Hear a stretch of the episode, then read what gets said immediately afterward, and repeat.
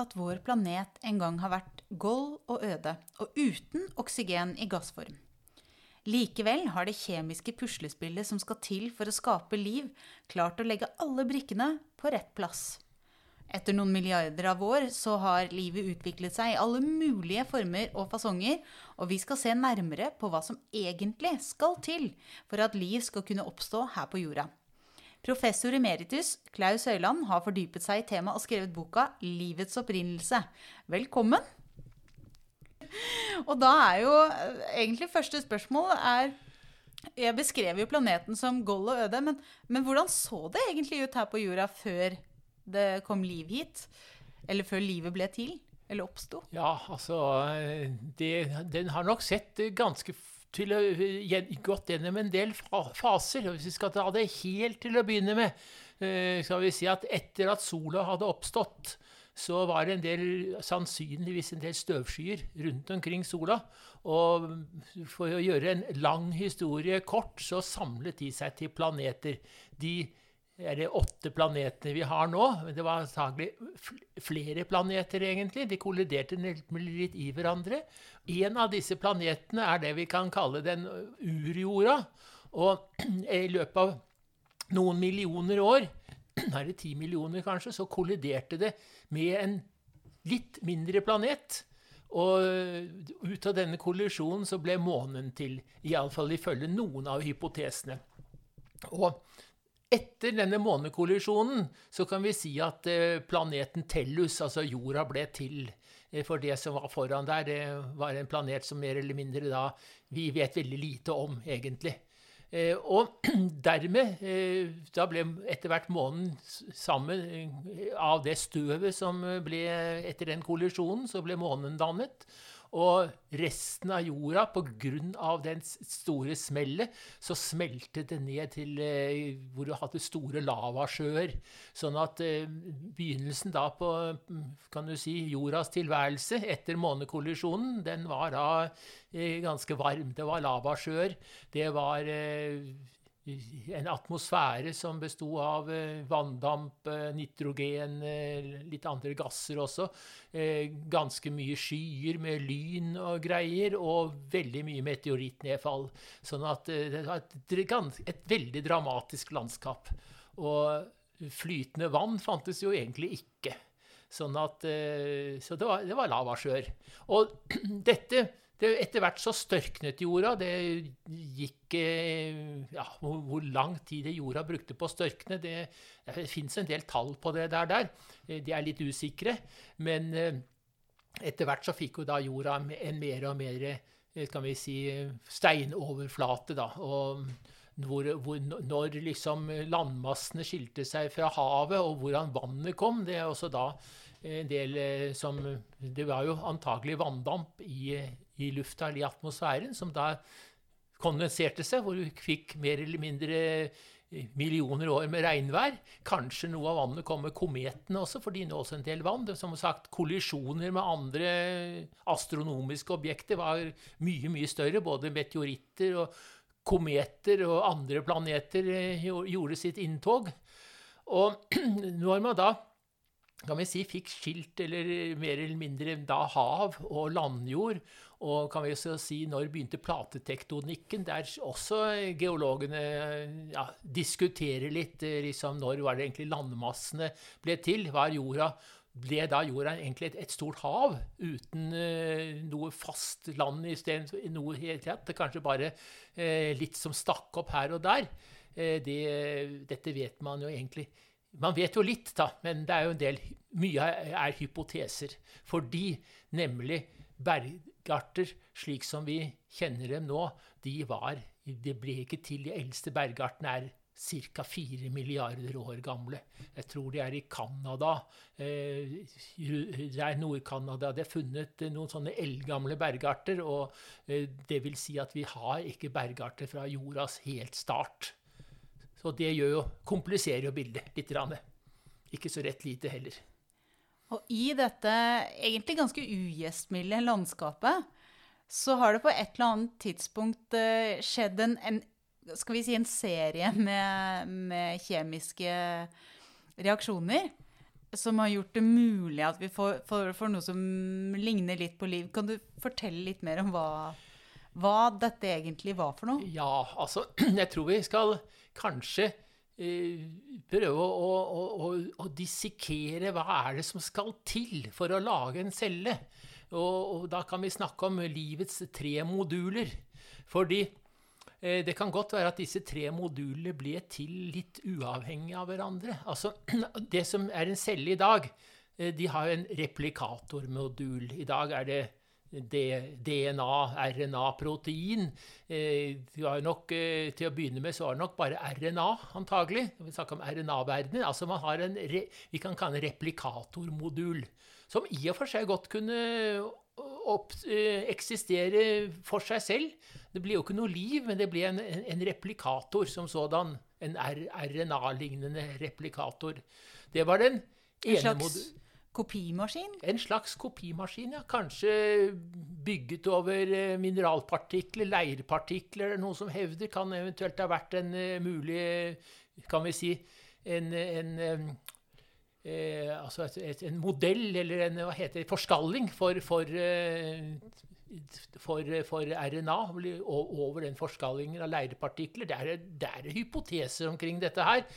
Eh, så har du den andre modulen, det kan vi kalle en stoffskiftemodul, altså en metabolisme, eh, som jo også kan vi si, en levende celle må ha, men som også kunne tenke seg eh, oppstått for så vidt uavhengig av denne replikatormodulen. Altså f.eks er det noen som mener sånn nede i disse undersjøiske vulkanene.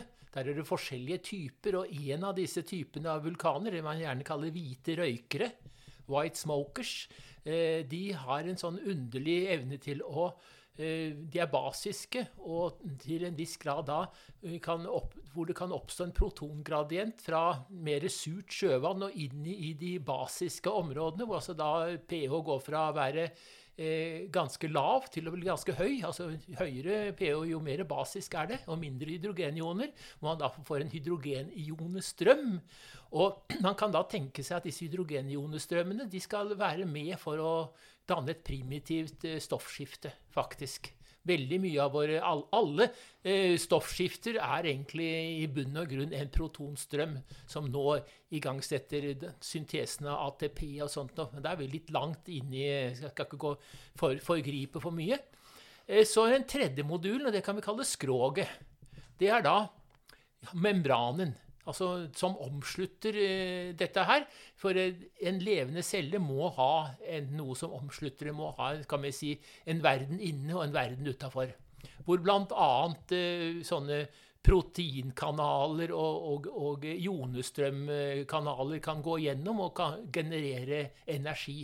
Slik at uh, Og disse membranene består jo da av eh, Hos nesten alle levende vesener så består de av fosfolipider.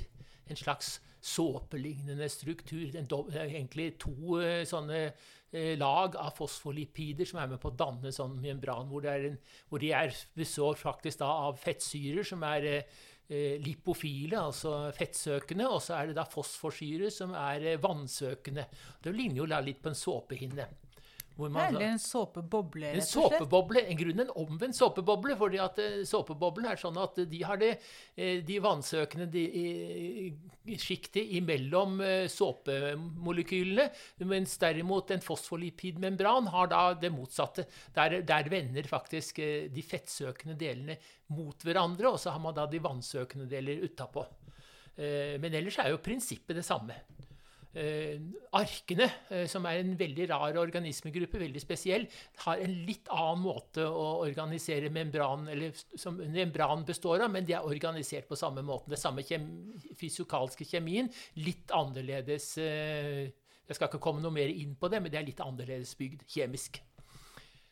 Så man kan jo kanskje tenke seg at det, det tidlige livet eh, hadde kanskje litt ulike varianter av dette, men det vi sitter igjen med, eh, nå, det er de som har disse tre komponentene. Ja. Eh, og så har på et eller annet tidspunkt så har revolusjonen begynt å virke på disse, og så har de blitt eh, mer og mer spesialiserte for eh, Eller effektive, kanskje?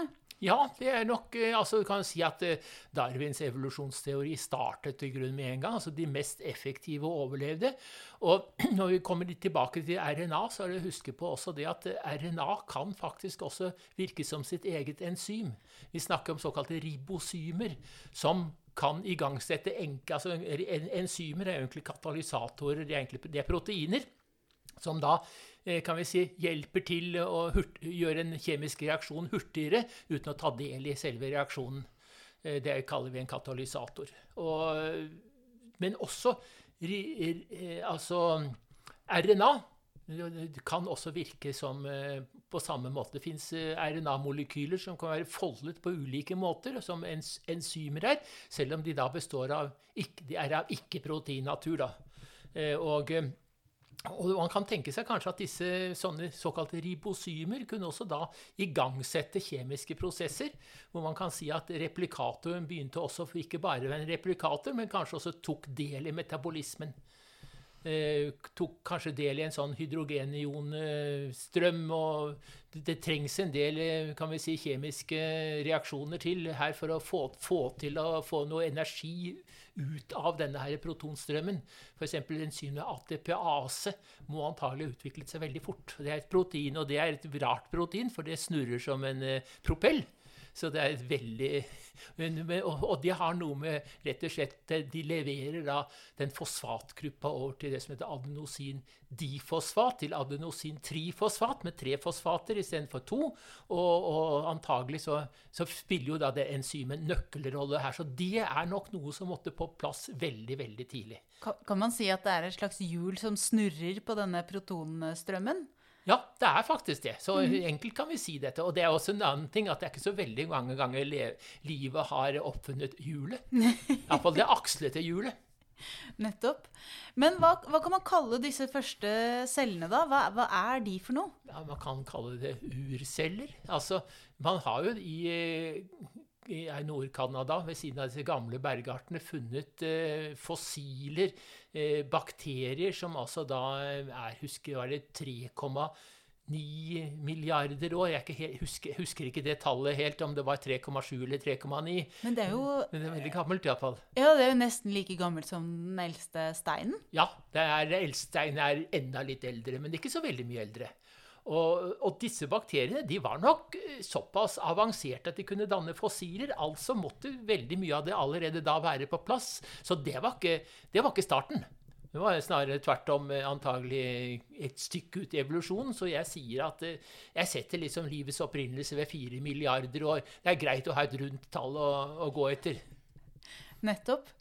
Det, og det, jeg, jeg, tenker at det, jeg synes det er så utrolig, for jeg tenker at det er fryktelig tidlig. Eh, og at når det har vært mulig at det kan ha oppstått så tidlig, så syns jeg det er veldig rart at, det, at, vi er alene i universet. Men det, det er en digresjon. ja, men jeg kan komme litt inn på den digresjonen. For uh, altså, det er jo litt rart at uh, jorda ble til ikke så forferdelig mange ikke, ikke, engang en milliard år før dette her.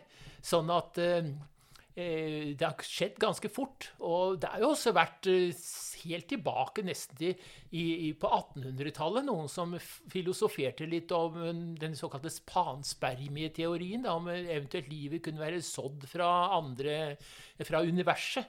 Og det er jo ikke til å komme bort ifra at man har funnet organiske stoffer altså ved sånne spektrografi og sånn. så har man jo funnet organiske stoffer på andre måner. På titan rundt Eh, Saturn eh, bl.a. mener man har funnet, har man funnet organiske stoffer. Man har funnet det kanskje på eh, månen Europa rundt Jupiter. man har også funnet det på noen av disse gassplanetene våre, sånn som Jupiter og Saturn. og sånt. Man har også funnet organiske stoffer. altså Hvis man regner metan og disse her som organisk, og etan, altså det enkle organiske, har man jo funnet det. Og man har funnet på kometer. Og man har også funnet det i gasståker. Man har gjort analyser. Det er funnet eh, bl.a. alkohol har man funnet der, og en del andre, og en del, og en del sånne radikaler. Altså, sånne, altså ikke eh, altså organiske stoffer som da ikke er mettet med elektroner og sånt. Da har man også funnet en del av i verdensrommet. Ja, det er jo kanskje ikke slik at det må være en overflate der for at det skal kunne oppstå sånne enkle celler som du har beskrevet nå. Altså, det, er, det, er, det, mulig at det kan skje i en, i, i en sånn gassky? Det er litt vanskelig å helt få at en celle kan oppstå inni en, en gassky, fordi at det, det bør være Altså, du kan si uh, en, en livet slik som man tenker seg oppstått med RNA og protonstrømmer og slike ting, så må det nok igjen noe fast stoff, altså en, en slags forskalling, som må til for å få gjort dette her. For det, det er nok du kan si, Vi må, vi må nok bringe inn mineralriket. Eh, til, på dette måten, altså at eh, de har på en måte eh, kan vi si knyttet til tiltrukket disse De har jo elektriske ladninger som man har fått da kanskje tiltrukket enkle organiske forbindelser over en eller annen forskalling. For hvis vi går til denne ursuppehypotesen, altså at jorda da hadde en vann med masse organiske stoffer, det har man jo til og med klart å få til i, laboratoriet.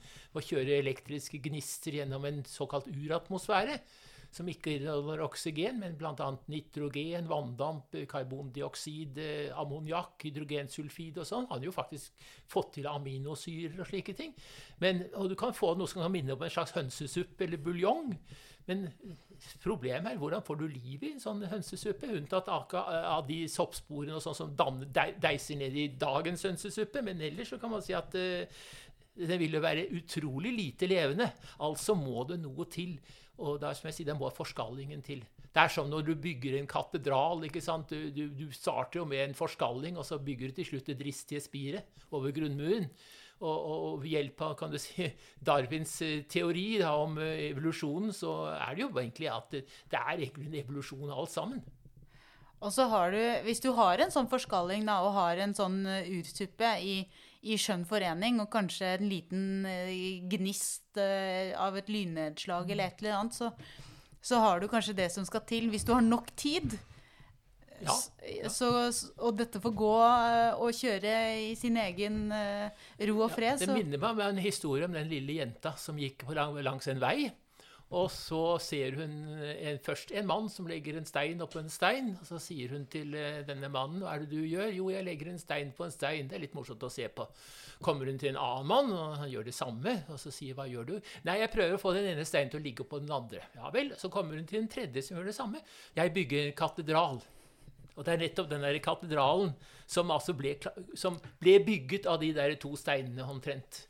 Og, og, og, gitt mange år, eh, milliarder av år, og trilliarder av uh, kjemiske stoffer som kunne blande seg sammen, og gitt uh, evolusjonsteorien som kan forklare hvordan sånne ting kan skje. Hvordan altså, eh, Glem det der, der at eh, livet aldri kan oppstå for at du kan, eh, du kan liksom helle noen eh, stoffer oppi hverandre. Du vil aldri få det til å bli levende noen gang. Eh, da tenker du liksom om og om og om og om igjen, men det er ikke sånn evolusjonen foregår. Den velger ut det beste.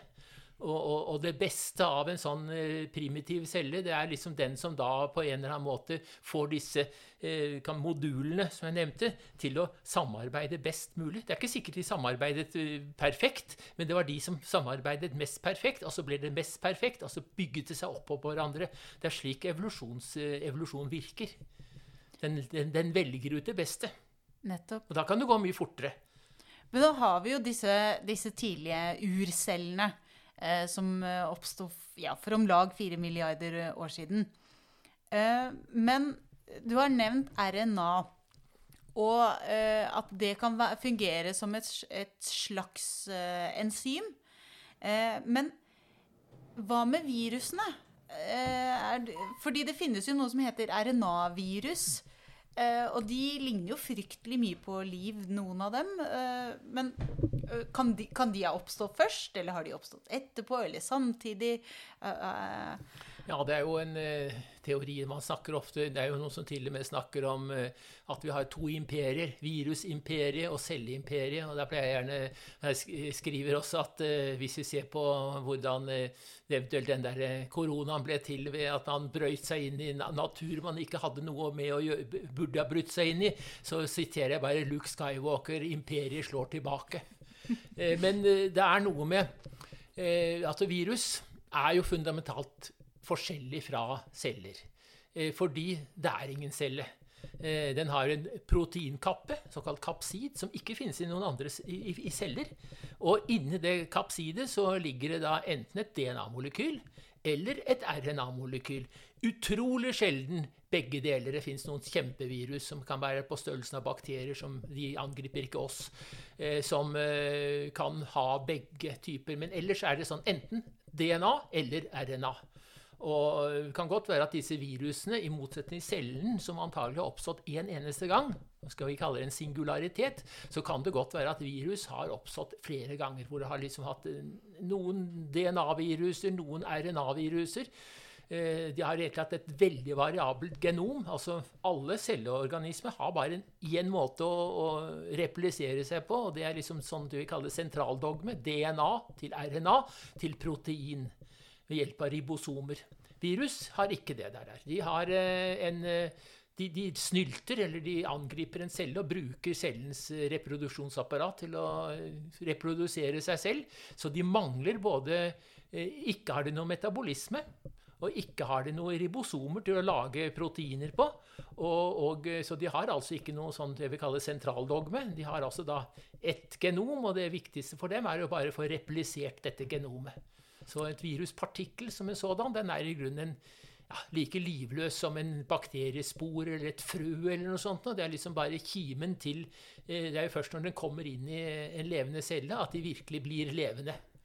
Ja, og, og det er jo det interessant det du sier der. altså den det slår meg at det, det, er en ganske hårfin forskjell mellom det at virusene, som ikke regnes som levende, og de første cellene, som kan replikere eller, eller eh, bygge seg selv eller eh, spre seg videre på egen hånd, så kan ikke virusene det. Er det og, og, dette med metabolisme, er det de to tingene som på en måte eh, avgjør da, at det ikke er eh, liv? Altså, jeg, jeg, er i den forstanden forstand at jeg mener virus er en del av våre levende. De består akkurat av de samme stoffene som et hvilket som helst annet levende vesen. De har evolusjon som eh, andre. De kan mutere som celler. De kan, eh, de kan, angripe celler. De har faktisk en god del informasjon. Eh, jeg mener, tenk på et hundegalskapsvirus. Den, altså, det er en partikkel som er mindre enn en lysbølge.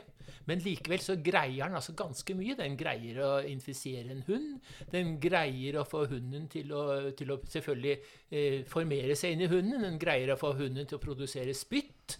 Den greier å få hunden til å bli eh, tørst. Man får vannskrekk for at eh, hunden da eh, skal eh, holde på spyttet, rett og slett. ikke det renner bort. den gjør hunden gal, iallfall gjør hunden sånn at hunden får lyst til å bite noen. Og, og, og, og, da gir virusen et nytt hjem, altså en ny hund. Det hender at det biter oss også. og Det er veldig dødelig sykdom. Så det er ufattelig mye informasjon som ligger i denne her partikkelen, som er seg mindre enn lys, en lysbølge. Ja, jeg blir jo veldig imponert når du forklarer det på den måten. Så tenker jeg at det, de har jo kanskje den mest effektive hva skal vi si, kommunikasjonen eller informasjonen. Ja, de har det. Og det er jo rett og slett det er rett, strimet streamet på et eh, ganske lite genom som skal ha plass til alt dette her. Og de skal også ha plass til å lage litt proteinkapp og litt sånne ting ved siden av også. Men eh, tror du de er like gamle som de første cellene, altså urcellene? Det kan det godt være. Altså, vi kan godt tenke oss at uh, virusene ble til Om de er like gamle som de første cellene, men de kan jo omtrent ha blitt uh, til uh, omtrent samtidig. som da opptrer som parasitter på de første cellene. Det er jo også noen som da mener at kanskje DNA-molekylet ble til som et svar, tilsvar på virusene for å lage et litt mer stabilt genom, som ikke er fullt så utsatt for uh, som RNA er. DNA er mye mer stabilt, og dessuten mye lengre også. Sånn at det kan være en av årsakene til at DNA uh, vi, altså cellene vant, og at de RNA-cellene de forsvant, rett og slett. Er det noen sjanse for å finne spor eh, av urcellen eh, i dag? Enten i form av, eh, av noe forsteinet, eh, eller i form hvis vi leter i de, de eldste liksom, eh, bakterieslektene vi finner. Er det noe sannsynlighet for å finne liksom, noe som ligner på det opprinnelige? Ja, altså, vi kan vel si faktisk dessverre har vi ikke det. Altså, de eldste bergartene eh, som man har funnet eh, fossiler, bakterier, de er såpass si, avanserte sannsynligvis at vi må ha hatt noe før. Og da er det kanskje før bergart, de, vi har bergarter i det hele tatt. Altså, det er det ene. Og det andre er sånne bakterier som antagelig eh, de er, Det er lite sannsynlig at vi skal kunne klare å finne dem, fordi at man har jo funnet utrolig mange rare levesteder for bakterier. Men man har egentlig ikke funnet noe som man kan si er i nærheten av hvordan en urbakterie kan ha sett ut. Eh, fordi at eh, selv de mest enkle bakterier, og også enkelthet, kan det rett og slett være en evolusjon som har gått imot altså redusert. Det er veldig mye man blir lurt. Man finner tilsynelatende gamle organismer, og så ser man at det er ikke det. Det er faktisk bare at det er gjennomgått en reduksjon, redusert bort alt som er. Det er jo noe vi finner i mange organismegrupper. Det der er at de er opprinnelig ganske avanserte. De har bare kasta ut det de ikke har bruk for. Og, og, noe sånn vil det også da være i bakterier, så, så tror man da leter eh, ganske forgjeves. Eh. Altså Man snakker jo litt om, om den heter Luca, Last Universal Common Ancestor, som jo alle leter etter og, og aldri vil finne. Men, eh, men, det er jo da en organisme som da må ligne litt på en bakterie og litt på en arke. For de som ikke vet forskjellen på disse to, så er det faktisk to domener. De er veldig forskjellige. Arken er stort sett det vi kaller ekstremofile. De liker seg i eh, svovelpøler og, i, og kan vi ofte si de finner et hjem der andre ville kalt det helvete. Svovel, svovelpøler, varme kilder, eh, dype myrer, saltørkener og sånt. Og der kan man finne disse arkene. Mens bakterier det er liksom alt det andre. Og, og, kanskje da en mye større gruppe med mer variasjon og sånt noe. Mens arkene er kanskje veldig spennende, for de er kanskje Om de ikke er like gamle som bakterier, så er de iallfall veldig gamle. Og antagelig spesialisert seg egentlig til de forholdene som var mye vanligere på jorda tidligere. Men da har vi bakterier, og vi har arker. Eh, og hvordan utviklet livet seg videre derfra? Ja, det, der er det veldig viktig at uh, i den aller første perioden hvor bakteriene hadde oppstått, og arkene også hadde oppstått Det er jo snakket litt om ekstreme forhold. Uh, stort sett så var jo da atmosfæren, iallfall for jordoverflata, uten oksygen.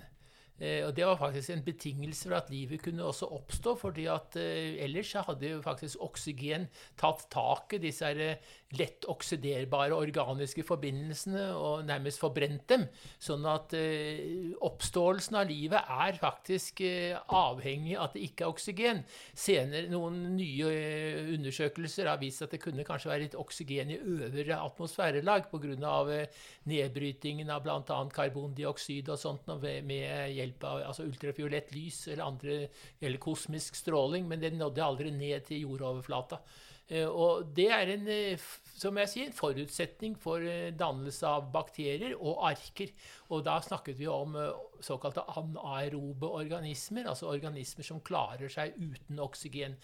Arkene som sådan de har faktisk aldri noen gang utviklet mekanismer som kan bruke oksygen. For noen av dem er jo faktisk oksygen en fryktelig gift, og det samme gjelder jo også da for bakteriene. Altså De første bakteriene de, de var der. og Eh, de, de, levde jo da delvis da med å, altså såkalte gjæringsprosesser, hvor er enkle organiske forbindelser ble da brutt ned til eh, melkesyre f.eks., eller til eh, karbondioksid, alkohol, altså en del sånne såkalte det vi kan kalle anaerob gjæring, som for så vidt foregår en dag i dag i melkesyrebakterier og gjærsopper, selv om gjærsoppene er jo ganske avanserte organismer som ikke var på den tida. da.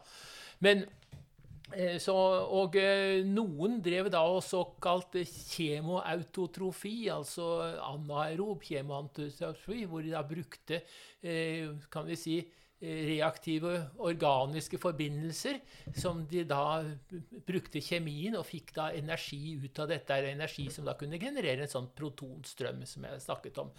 Og viktig er jo f.eks. da de som da eh, Altså svovelbakterier, spesielt de som da bruker sulfat, eh, som jo inneholder oksygen, eh, og, bruker og kjører da redox-reaksjoner, altså hvor de bruker det oksygenrike sulfatet til å da omgjøres til sulfid.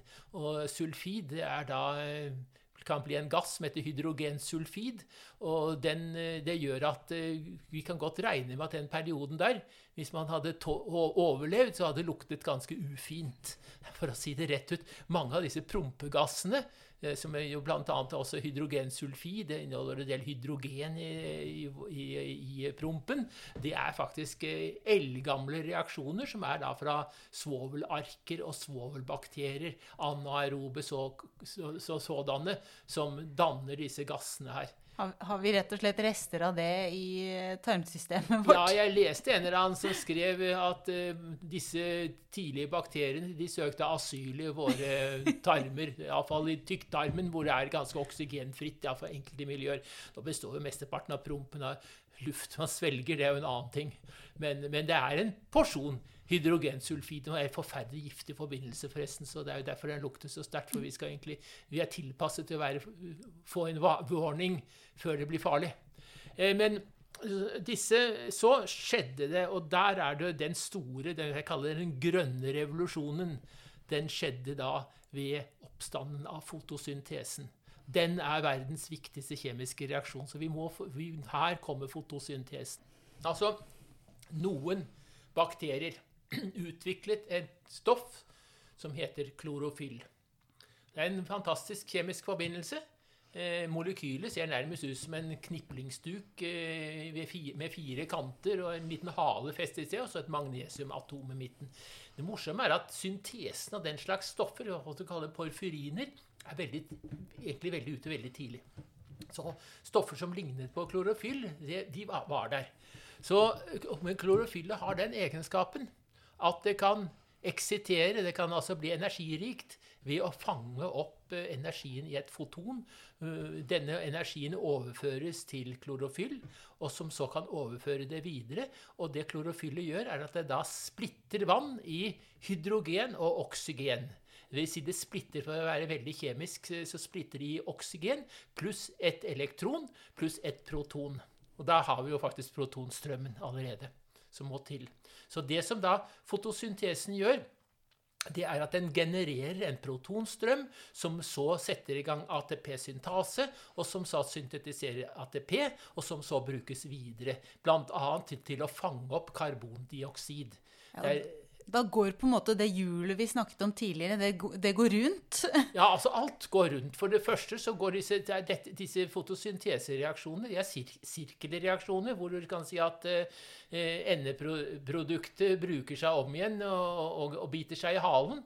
Slik at eh, vi har noe som heter kalvinsyklus, bl.a., hvor sukker blir dannet. Og, og vi har disse her propellenzymene som lager ATP, og som må til for å få den kalvinsyklusen som fanger opp karbondioksid, og som da brukes til å lage sukker. Dette er en ufattelig prosess, og avfallsstoffet er oksygen.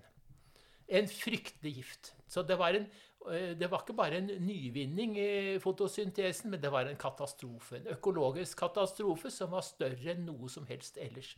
Det betydde at alle de anaerobe bakteriene og arkene som ikke eh, kunne klare å flykte, det var jo selvfølgelig før magene våre ble til, men de flyktet da til eh, dypt ned i jorda, svovelkilder, eh, eventuelt dype myrer og hva det er, eh, hvor de da kunne leve uten oksygen.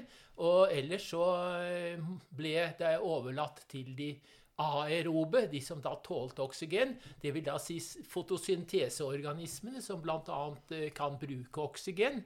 Uh, også i sin egen metabolisme, pluss da de organismene som ble til, som er da aerobe, og som da bl.a. Uh, omfatter en masse bakterier.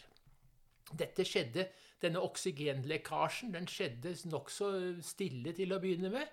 Uh, stille før stormen, fordi i vannet var det oppløst mye toverdig jern.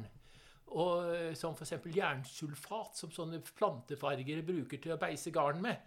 Eh, det lar seg oksidere til treverdig jern, som er rust, og som da gjorde at eh, de tidligste jerndeigene, som AS Sydvaranger bl.a. bryter, oppe i Finnmark, det er da det, der, den, det første jernet som ble da laget av denne oksidasjonen. Så først til å begynne med så var det altså den, kan vi si, den riktige jernalderen. Den, der ble oksygenet brukt opp. Men når da jernet hadde til slutt felt seg ut, og jorda hadde var blitt rustrød, omtrent som eh, overflata på Mars, så eh, begynte oksygenet å lekke ut. Og da kom katastrofen. Og da var det eh, om å gjøre å tilpasse seg oksygen.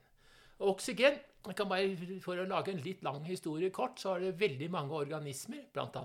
bakterier, som da lærte seg å utnytte oksygen i det vi kaller respirasjon eller celleånding, hvor man da forbrenner ikke organiske stoffer eh, til eh, noen kan vi si, kompliserte organiske stoffer til noen enklere organiske stoffer som alkohol og melkesyre, men forbrenner det helt ut i karbondioksid. Og kan da utnytte hele spekteret av oksygenets energirike Eh, molekyl. For det er jo et fantastisk energirikt molekyl, og kan bruke det. Og dette ga selvfølgelig evolusjonært en kjempefordel å være aerob. fordi at igjen ifølge Darwins eh, teori, det som da er mest vellykket, er gjerne det som vinner. Og de som da klarte å utnytte oksygen, de vant det evolusjonære kappløpet. De som ikke klarte oksygen, de måtte finne seg andre steder å leve. Og, og så eh, kommer da eh, eh, kan vi si de eh, arke, arkebakterienes hevn. Det jeg kaller Lokes hevn. Eh, Loke er en, eh, en, av våre ese, altså en av våre guder, som var en ganske rar person. Han lurendreier. Han var både pen og var ond. Han var, eh, kunne skape seg om til de mest utrolige ting. Til en laks, f.eks. Han ble fanget av, av, Odin, oppdaget ham, og Thor fanget ham og bandt ham til en eh, berghelle, og hver gang han vrir seg, så er det jordskjelv. Hvorfor jeg snakker om Loke, er fordi at det er noe som heter Lokeslottet. Og det ligger mellom Jan Mayen og Svalbard. Det er en sånn undersjøisk vulkan. Den er svart. Eh, og den er like svart som sjelen til Loke, hvis han hadde noen sjel. Og den, der har man funnet noen sånne gensnutter som, på, som er fra en organisme som er noe midt imellom en arke og våre celler, altså de eukaryote cellene. Der ble det kanskje de til. Og de ble til antagelig en lykkelig forening mellom en arkecelle og en bakteriecelle. Og hvor bakteriecellen omgjorde seg til det som heter metokondrier, som er rett og slett et kraftsentrum da, som har celleånding, respirasjon, eh, som noen bakterier også kan ha, og at disse hadde det. Alfa-proteobakterier kaller man de mulige forløperne til mitokondriene.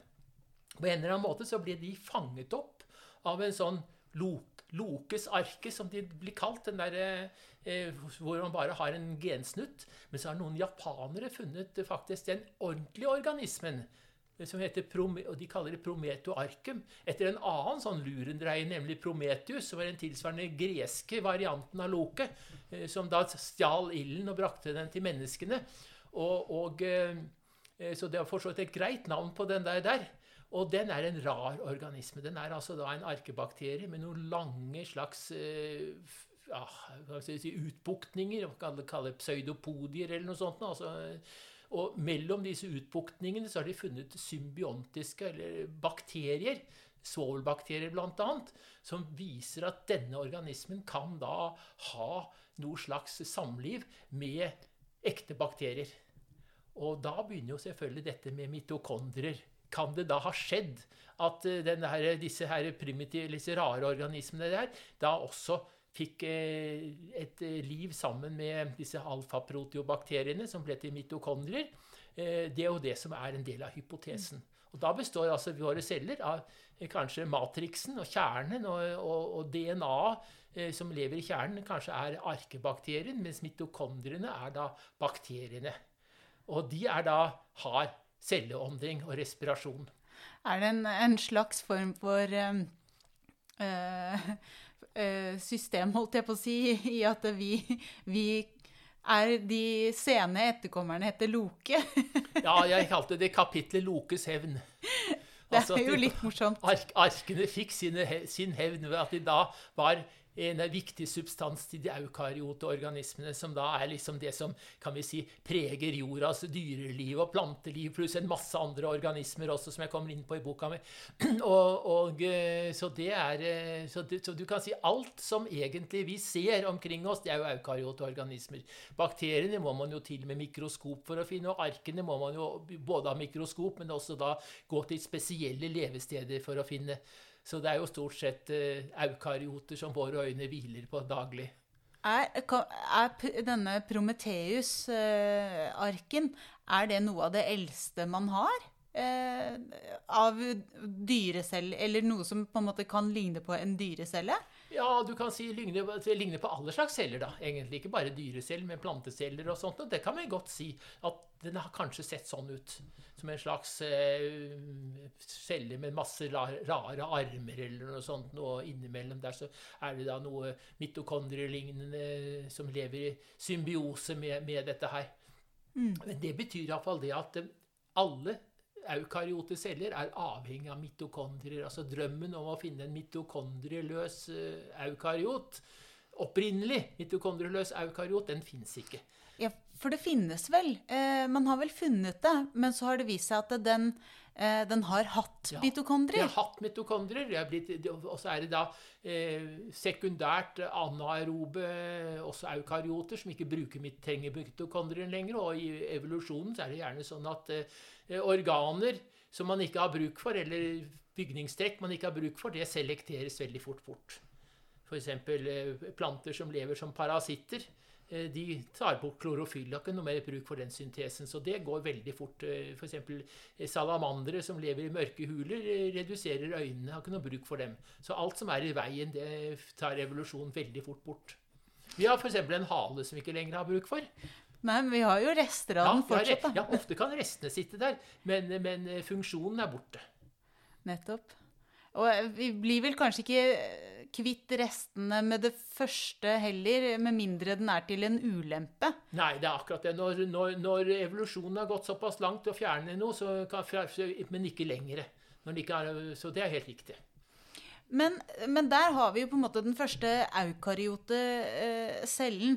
Og så er jeg litt nysgjerrig på eh, hvor, hvordan kan vi på en måte si at den første dyrecellen har blitt til, og, og hva kjennetegner eh, dem? For det er på en måte et, et lite hopp, da.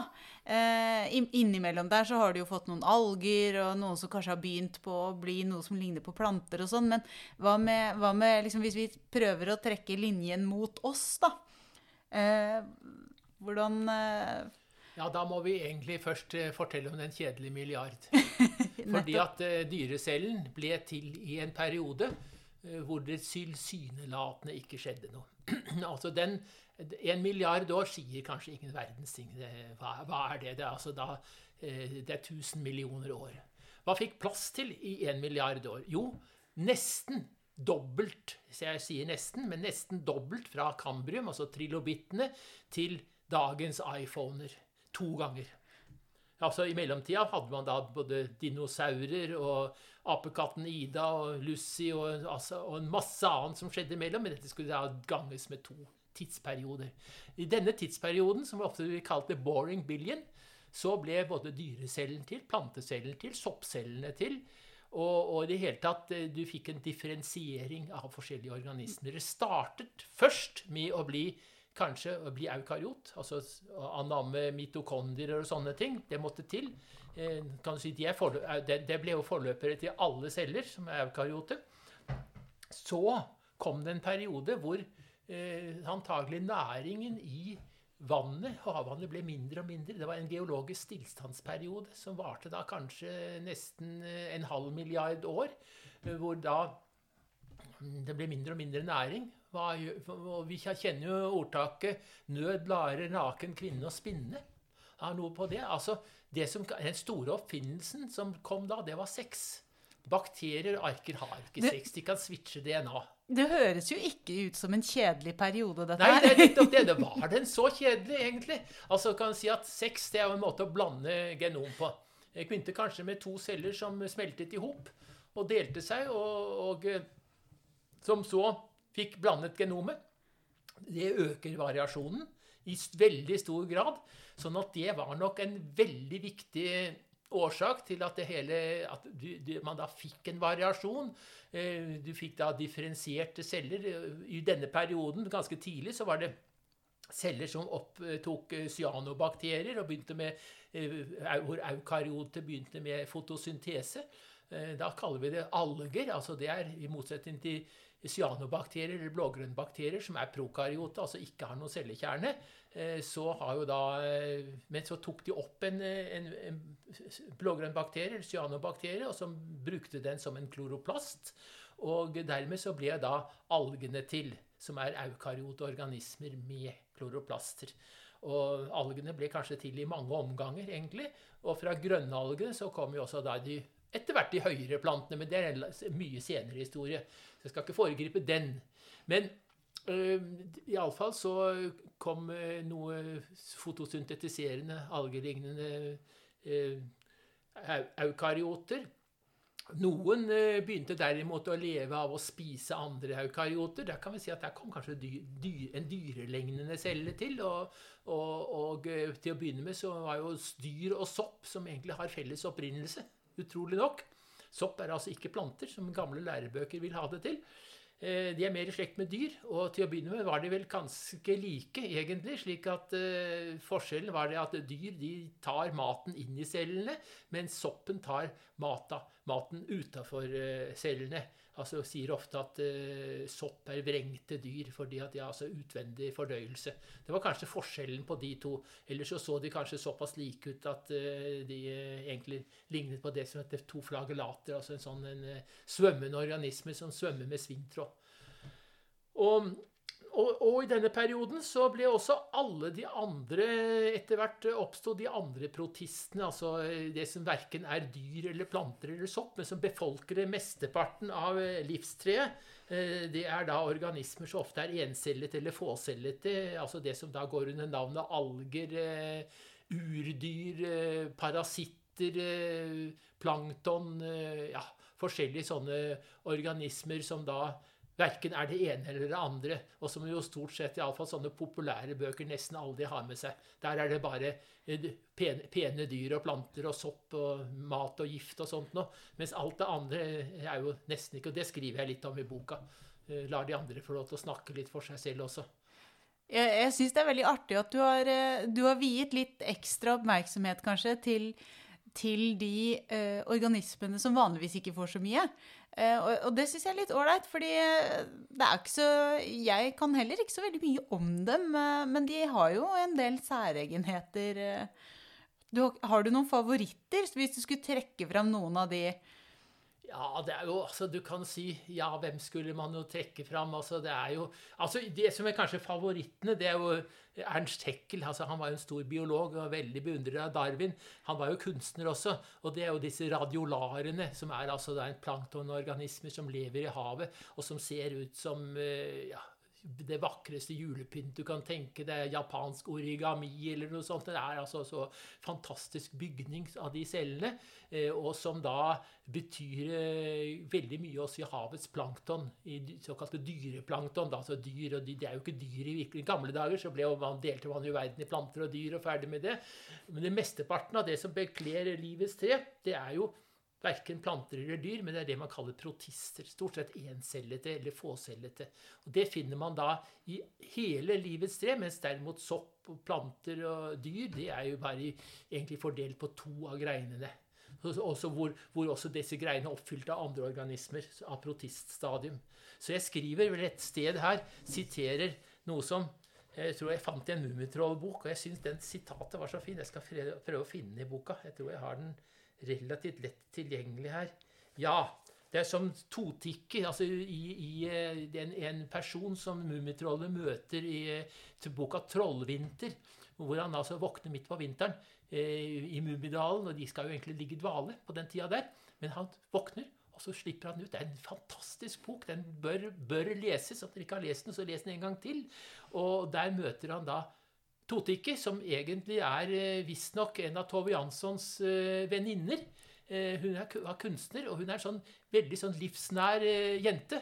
Og som da lærer Mummitrollet, hvordan han skal overleve i denne, denne vinteren.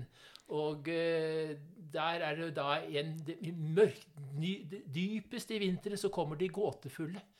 Og de beskrivelsene av de passer så godt til disse her, her og, og disse protistene. Det store mangfoldet vises blant de små, de stumme, de ensomme, villfarende, ville og stillfarende. Og Det synes jeg det kan hjelpe, gjelde alt det andre som verken er planter, sopp eller dyr. Det var et veldig veldig flott uh, sitat. Uh, og ja, jeg syns det passer òg veldig, veldig ja, godt. Ja, det passer veldig fint. Men uh, hvis, vi, hvis, vi, nøster tilbake til, til vår lille grein, da. Dyre, dyrecellen. finnes det noen steder hvor det er tvilstilfeller mellom hva som er hva? Altså hva er en dyrecelle, ja, og hva er en sopp? Det finnes. Og, og det er eh, veldig, Mange vil jo da si at ja, det er jo disse slimsoppene som verken er dyr eller sopp. Det er en annen historie. Men det finnes noe som er de egentlig sopp, eller er de egentlig dyr? Og det er eh, noen små parasitter eh, som går i gruppen ichtiosporia.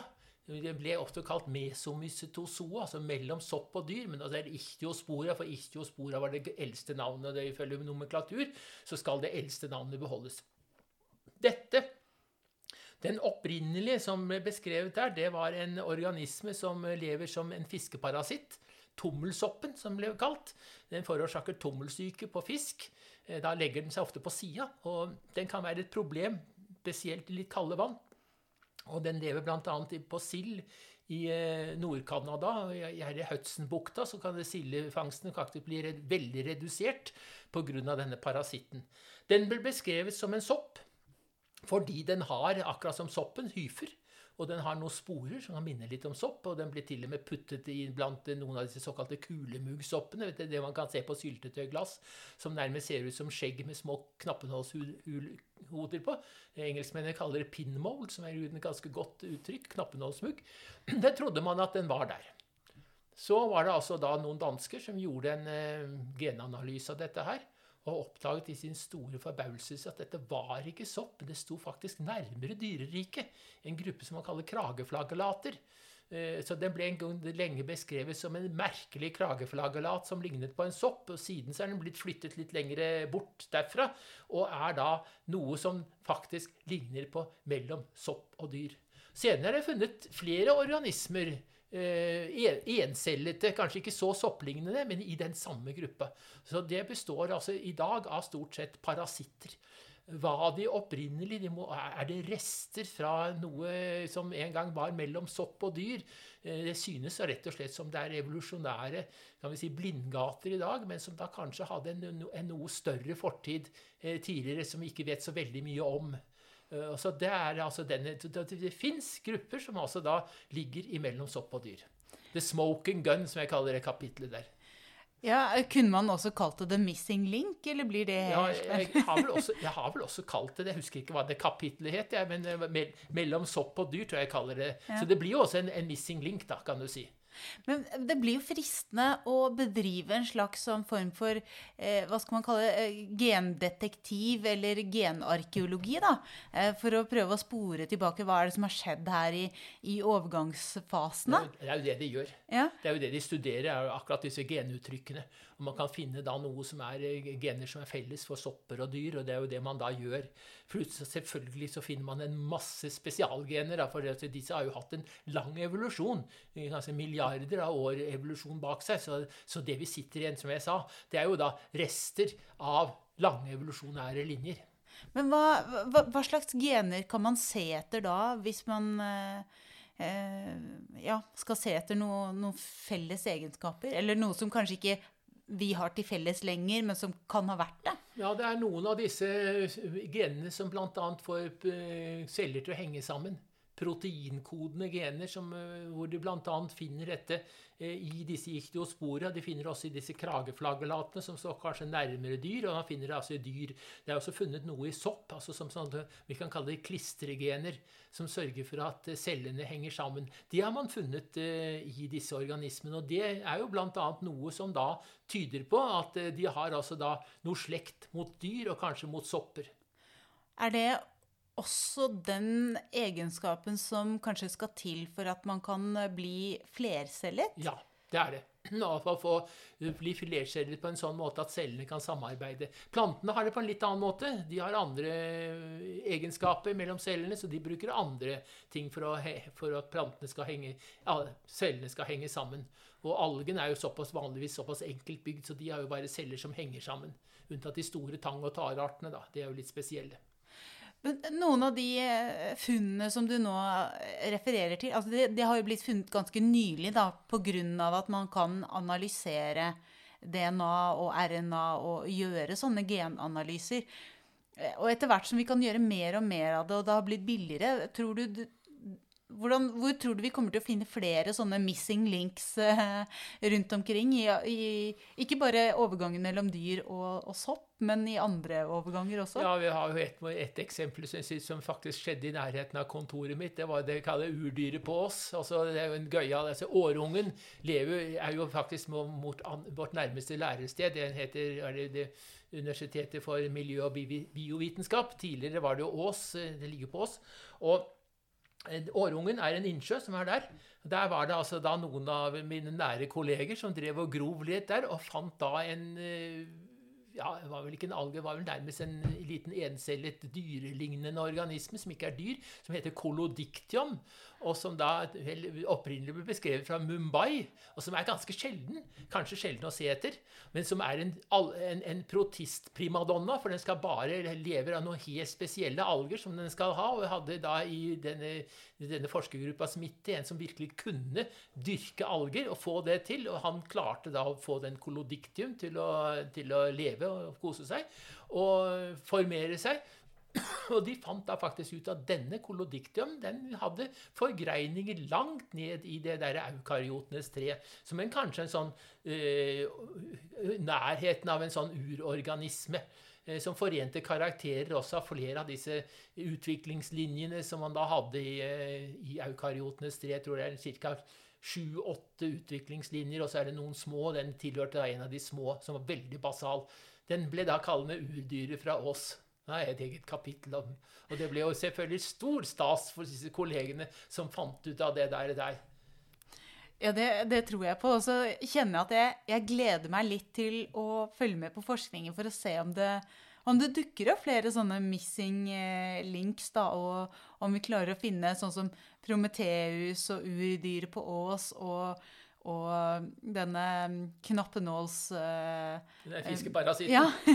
ja, altså det det blir jo stadig funnet uh, sånne missing links. Uh, det er jo bare for eksempel slå opp en New Scientist. Det står jo hver eneste dag eller hver gang nummeret kommer ut. da, så står det ofte om sånne rare organismer som man har funnet. Gjerne ofte da i dyphavene eller uh, under isen i Antarktis eller eventuelt på, på, rykende vulkaner og sånt. Og så bare man leter på ofte de særeste stedene, eller av og til de nærmeste stedene, sånn som årungen ute på oss. Det bør ikke alltid være så veldig sært. Eller i vår egen tarm. Eller, kanskje... ja, altså det vet vi. Altså, du kan si Det er jo to økosystemer som var veldig lite kjente. Det ene var disse her undersjøiske vulkanene, røykerne, og det andre er vår egen tykktarm. De er jo faktisk eh, like ukjent eh, terreng, begge to. ja, jeg kjenner at det er jo bare å glede seg. Og, og dette her var jo en liten smakebit på, på, det du skriver om i boka. Jeg tenker at uh, de som har lyst til å se hvordan det går videre, og kanskje lese flere og få med seg flere detaljer, de får heller uh, kjøpe med seg boka og kose seg i en ferie med å, å lese litt uh, grundigere. Men jeg tenker at vi skal runde av her.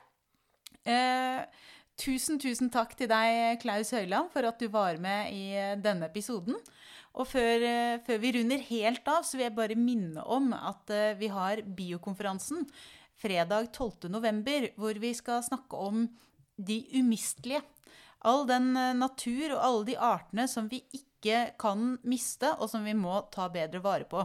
Og det er en fysisk konferanse, så jeg vil jo anbefale alle etter eh, ja, eh, halvannet år eller mer i, i lockdown at eh, nå er det på tide å melde seg på konferanser og møtes fysisk igjen. Så gjør det på nettsidene våre, og så håper jeg vi ses der. Og hvis ikke, så er det jo bare å si at vi høres. Takk for i dag.